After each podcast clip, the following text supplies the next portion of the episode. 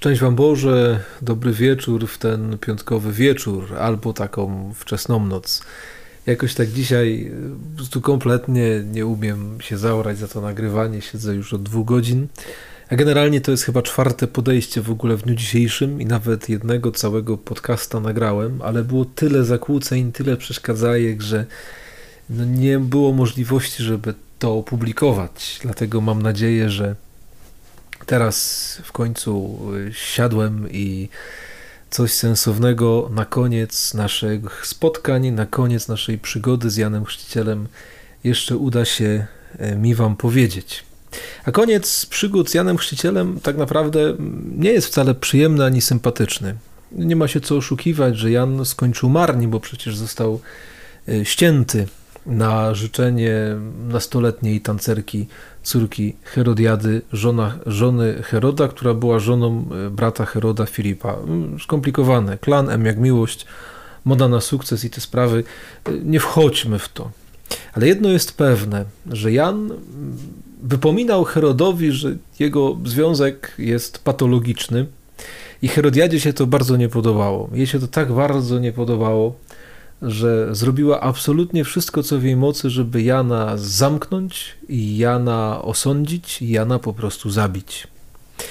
Y, nie wiemy do końca, tego nam Ewangelia nie precyzuje, czy Jan Chrzciciel łaził pod dom Heroda, pod pałac Heroda, czy Herod przyłaził do niego, czy go zapraszał na kolację, czy może ludzi wysłał Herod do Jana z różnymi pytaniami. Tego kompletnie nie wiemy, czy Jan też to w ogóle nad Jordanem, ogólnie mówiąc o sytuacji w kraju, nie, do tego się odwoływał. Tego naprawdę nie wiemy, ale y, no wiemy, że z tego powodu y, Jan został aresztowany i zamknięty w więzieniu.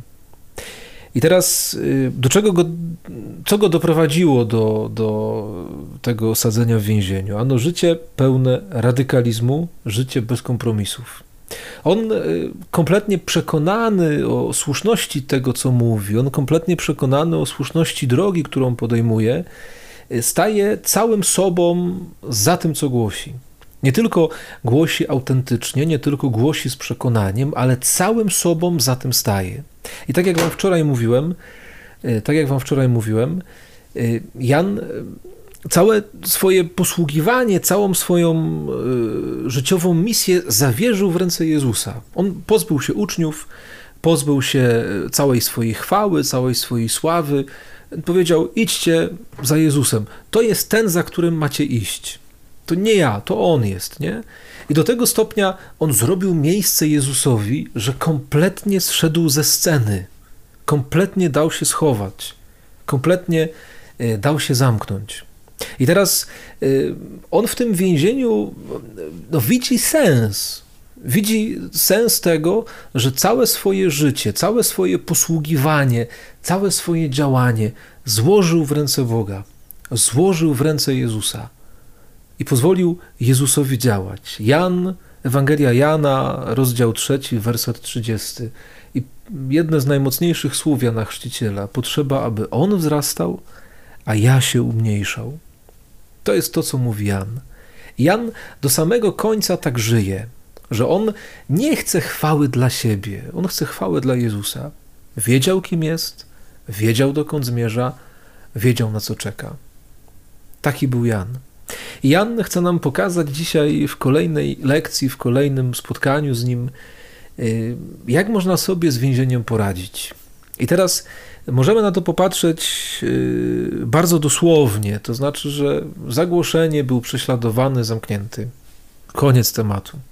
Możemy popatrzeć troszeczkę szerzej, y, tak jak już wspomniałem przed momentem, jako na takie totalne zejście ze sceny, totalne zrobienie przestrzeni dla działania Jezusowi. Y, I takiego jednocześnie totalnego też zawierzenia Jezusowi całego swojego życia.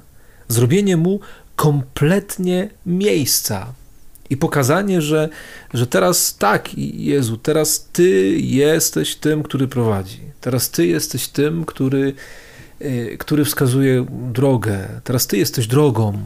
Ty prowadź. Ty pozwól, by za Tobą ludzie szli. I myślę sobie, że może być jeszcze jeden powód, y, dla którego Jan jest w więzieniu. Powód bardzo ludzki, bardzo bliski nam, że on sobie być może to wszystko zupełnie inaczej wyobrażał. On może miał nadzieję, że to wszystko będzie wyglądać i skończy się e, zupełnie inaczej. E, I po prostu jego oczekiwania, sytuacja, która dookoła Jana wyrosła, go po prostu przerosła. I stała się jego więzieniem. Stała się jego, e, no, no, jego zamknięciem. Pomyślcie, ile razy tak jest, że ktoś stawia wam wymagania. Pomyślcie, ile razy tak jest, że ktoś ma wobec was jakieś konkretne oczekiwania, że ktoś ma wobec was jakieś, jakieś konkretne plany, pomysły i chce, żebyście robili to tak i tak i tak i koniec. Ile razy czuliście się w ten sposób zniewoleni? Ile, razem czuliście się, ile razy czuliście się zniewoleni przez samych siebie, to znaczy, że wyście sobie wmówili, ja nie dam rady, ja sobie nie poradzę, ja się z tym nie zmierzę, ja nie ogarnę. Przecież my tak sobie mówimy prawie cały czas. To jest taki stan stały w nas. Pomyślcie nad tym i zobaczcie, i spróbujcie zobaczyć, że my niejednokrotnie sami wpędzamy się w takie więzienie. Wpędzamy się w więzienie patologicznych relacji toksycznych, wpędzamy się w więzienie grzechów, różnych uzależnień, nałogów itd., tak itd. Tak to ja bym mógł gadać o tych przykładach bez końca. Ale tak, to więzienie może też być obrazem naszego więzienia, może być obrazem naszego e, rozczarowania życiem. I to rozczarowanie może nas uwięzić, może nas zniewolić, może nas naprawdę zamknąć. I ma to taki ciekawy wyraz w pytaniu, które, Jezus, które Jan posyła do Jezusa. I pyta się przez swoich uczniów, ostatnich uczniów, którzy przy nim zostali, żeby spytali się Jezusa, czy ty to jesteś ty? To znaczy, czy ty jesteś tym, który miał przyjść? Nie? Czy ty to ty? I pytanie teraz, dlaczego Jan zadał takie pytanie? No, może chciał E, uczniów ostatnich przekonać, że On to On, w sensie, że Jezus to naprawdę Jezus, to naprawdę Mesjasz, to naprawdę Zbawiciel, to naprawdę ratownik. Może chciał ich o tym przekonać. Może, nie wiem, e, może był zszokowany, może trochę rozczarowany, może trochę zaniepokojony o Jezusa. Bo przecież e, w takim czystym, klasycznym, prostym żydowskim rozumieniu Jezus łamał prawo bo uzdrawiał w szabat, czyli dla nich pracował, tak? Bo nauczał y, w taki sposób, w jaki nie nauczali faryzeusze, bo pokazywał pewne aspekty życia duchowego, które y, dla faryzeuszów nie były takie ważne, a u Jezusa rosły do rzeczy ważnych. Bo całe jego nauczanie było skupione na człowieku i na tym, że Jezus przychodzi na ratunek człowiekowi, a nie człowiek ma ratować się e, przestrzegając przepisów prawa. I być może Jan, jako pobożny Żyd, jako wychowany w rodzinie kapłańskiej, był tym po prostu zwyczajnie zaniepokojony, że Jezus gdzieś odjechał, Jezus gdzieś się wymknął i może potrzebuje zmierzyć się e, z tym, czy ty to naprawdę ty, czy, czy, czy ty, ty to się nie ty, nie? I trzecia rzecz, myślę, że znowu nam najbliższa, Y, to są zwykłe, proste ludzkie wątpliwości Jana, który będąc w zamknięciu, będąc w niewoli, y, ma proste pytania. Czy Jezu, dla Ciebie warto to zrobić? Czy Jezu, Ty to jesteś Ty, Zbawiciel, dla którego ja oddaję życie, któremu ja robię miejsce, któremu ja przygotowywałem drogę. Powiedz mi, czy Ty to jesteś Ty? I kochani, znowu y, potrzeba się nam tutaj zatrzymać i popatrzeć na nas samych. Ile razy E, nasze wątpliwości, nasze pytania, nasze cierpienia, nasze problemy potrafią nas wpędzić w niewolę i potrafimy sami się e, tymi problemami zatruwać, potrafimy sami się tym cierpieniem e, spętać, sami się potrafimy tym cierpieniem zniewalać do tego stopnia, że trudno jest nam ruszyć z miejsca. Siedzimy, użalamy się nad sobą, jesteśmy rozczarowani sobą, rozczarowani swoim życiem, rozczarowaniem tym, jak ten świat wygląda i po prostu mówimy dość, nie idę w to dalej. I, I, ilu z nas tak ma? Ilu z nas coś takiego przeszło? A ilu z nas e, w poczuciu takiego uwięzienia, w poczuciu takiej pustki, w poczuciu takiego bezsensu, takiej bezwartościowości, e, ilu z nas stanęło wobec myśli samobójczych? A jeszcze, myślę, że sami dobrze wiecie, y, ile osób takie próby mniej, bardziej zaawansowane, mniej, bardziej skuteczne podejmowało. To są dramatyczne historie. I y, tak, można z tymi historiami zostać, ale Jan pokazuje, że to do niczego nie doprowadzi. Jan mówi: Masz wątpliwości? Masz pytania? Jesteś czymś zaniepokojony? Nie widzisz sensu, wartości, nadziei w życiu, w tym, co robisz, w tym, jak to robisz? To przyjdź do mnie. W sensie to przyjdź do Jezusa. Zanieś to pytanie Jezusowi. Zanieś to pytanie temu, który jest odpowiedzią na wszystkie pytania. Czy wy tak naprawdę od czasu do czasu próbujecie przed Jezusem otworzyć serce? Czy wy tak naprawdę od czasu do czasu próbujecie Jezusowi, jak przyjacielowi, opowiedzieć o tym wszystkim, co się w waszym sercu, w waszym życiu dzieje?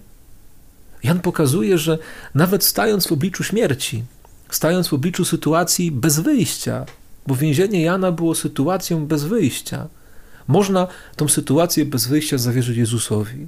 Można mieć wątpliwości, pytania, bezsens, beznadzieję, brak wartości w życiu, można czuć pustkę życiową. Jan mówi: złóżcie to w ręce Jezusa.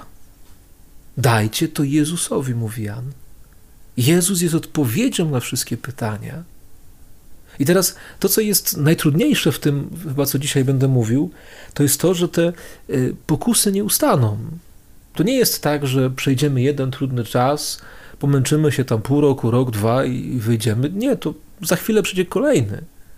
Bo y, zły duch będzie nam ciągle podważał sens naszej walki, podważał sens naszego trudu, podważał sens naszego zaangażowania, podważał sens wiary, podważał sens życia, sens bycia, y, podważał wartość tego, co robi. On to będzie cały czas nieustannie w kółko i bez końca ciągle to samo robił.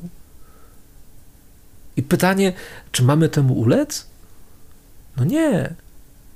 Mamy z tymi pytaniami przyjść do Jezusa.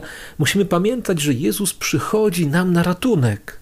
Przychodzi nas zbawić, przychodzi pokonać szatana, grzech i śmierć. A my jesteśmy dziećmi zwycięskiego króla. I y, w imię Jezusa, w Boże imię, naprawdę możemy nad tymi pokusami zwyciężać. Tylko właśnie przychodźmy z nimi do Jezusa. Siadajmy z tymi wszystkimi pytaniami, e, dramatami, cierpieniami naszymi. Siadajmy przed Jezusem. Stawiajmy mu te pytania. E, dalej, wchodźmy w głąb siebie. Poznawajmy swoje serce. Poznawajmy to, co się w nas kryje.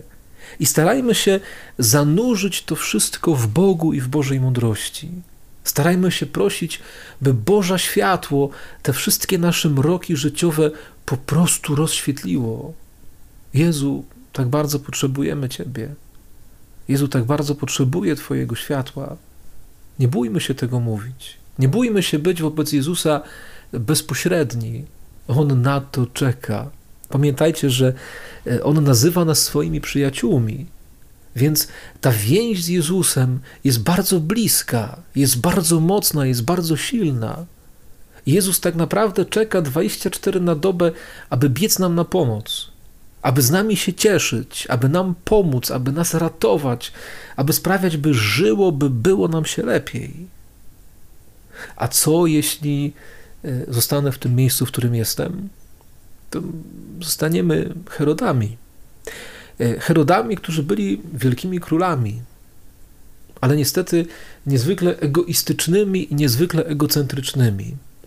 Ja sobie myślę, że Herod to musiał być generalnie strasznie nieszczęśliwy człowiek, bo on z jednej strony był władcą bardzo okrutnym i bardzo bezwzględnym, a z drugiej strony był niezwykle delikatny, zniewieściały, wręcz niektórzy tak nawet to opisują.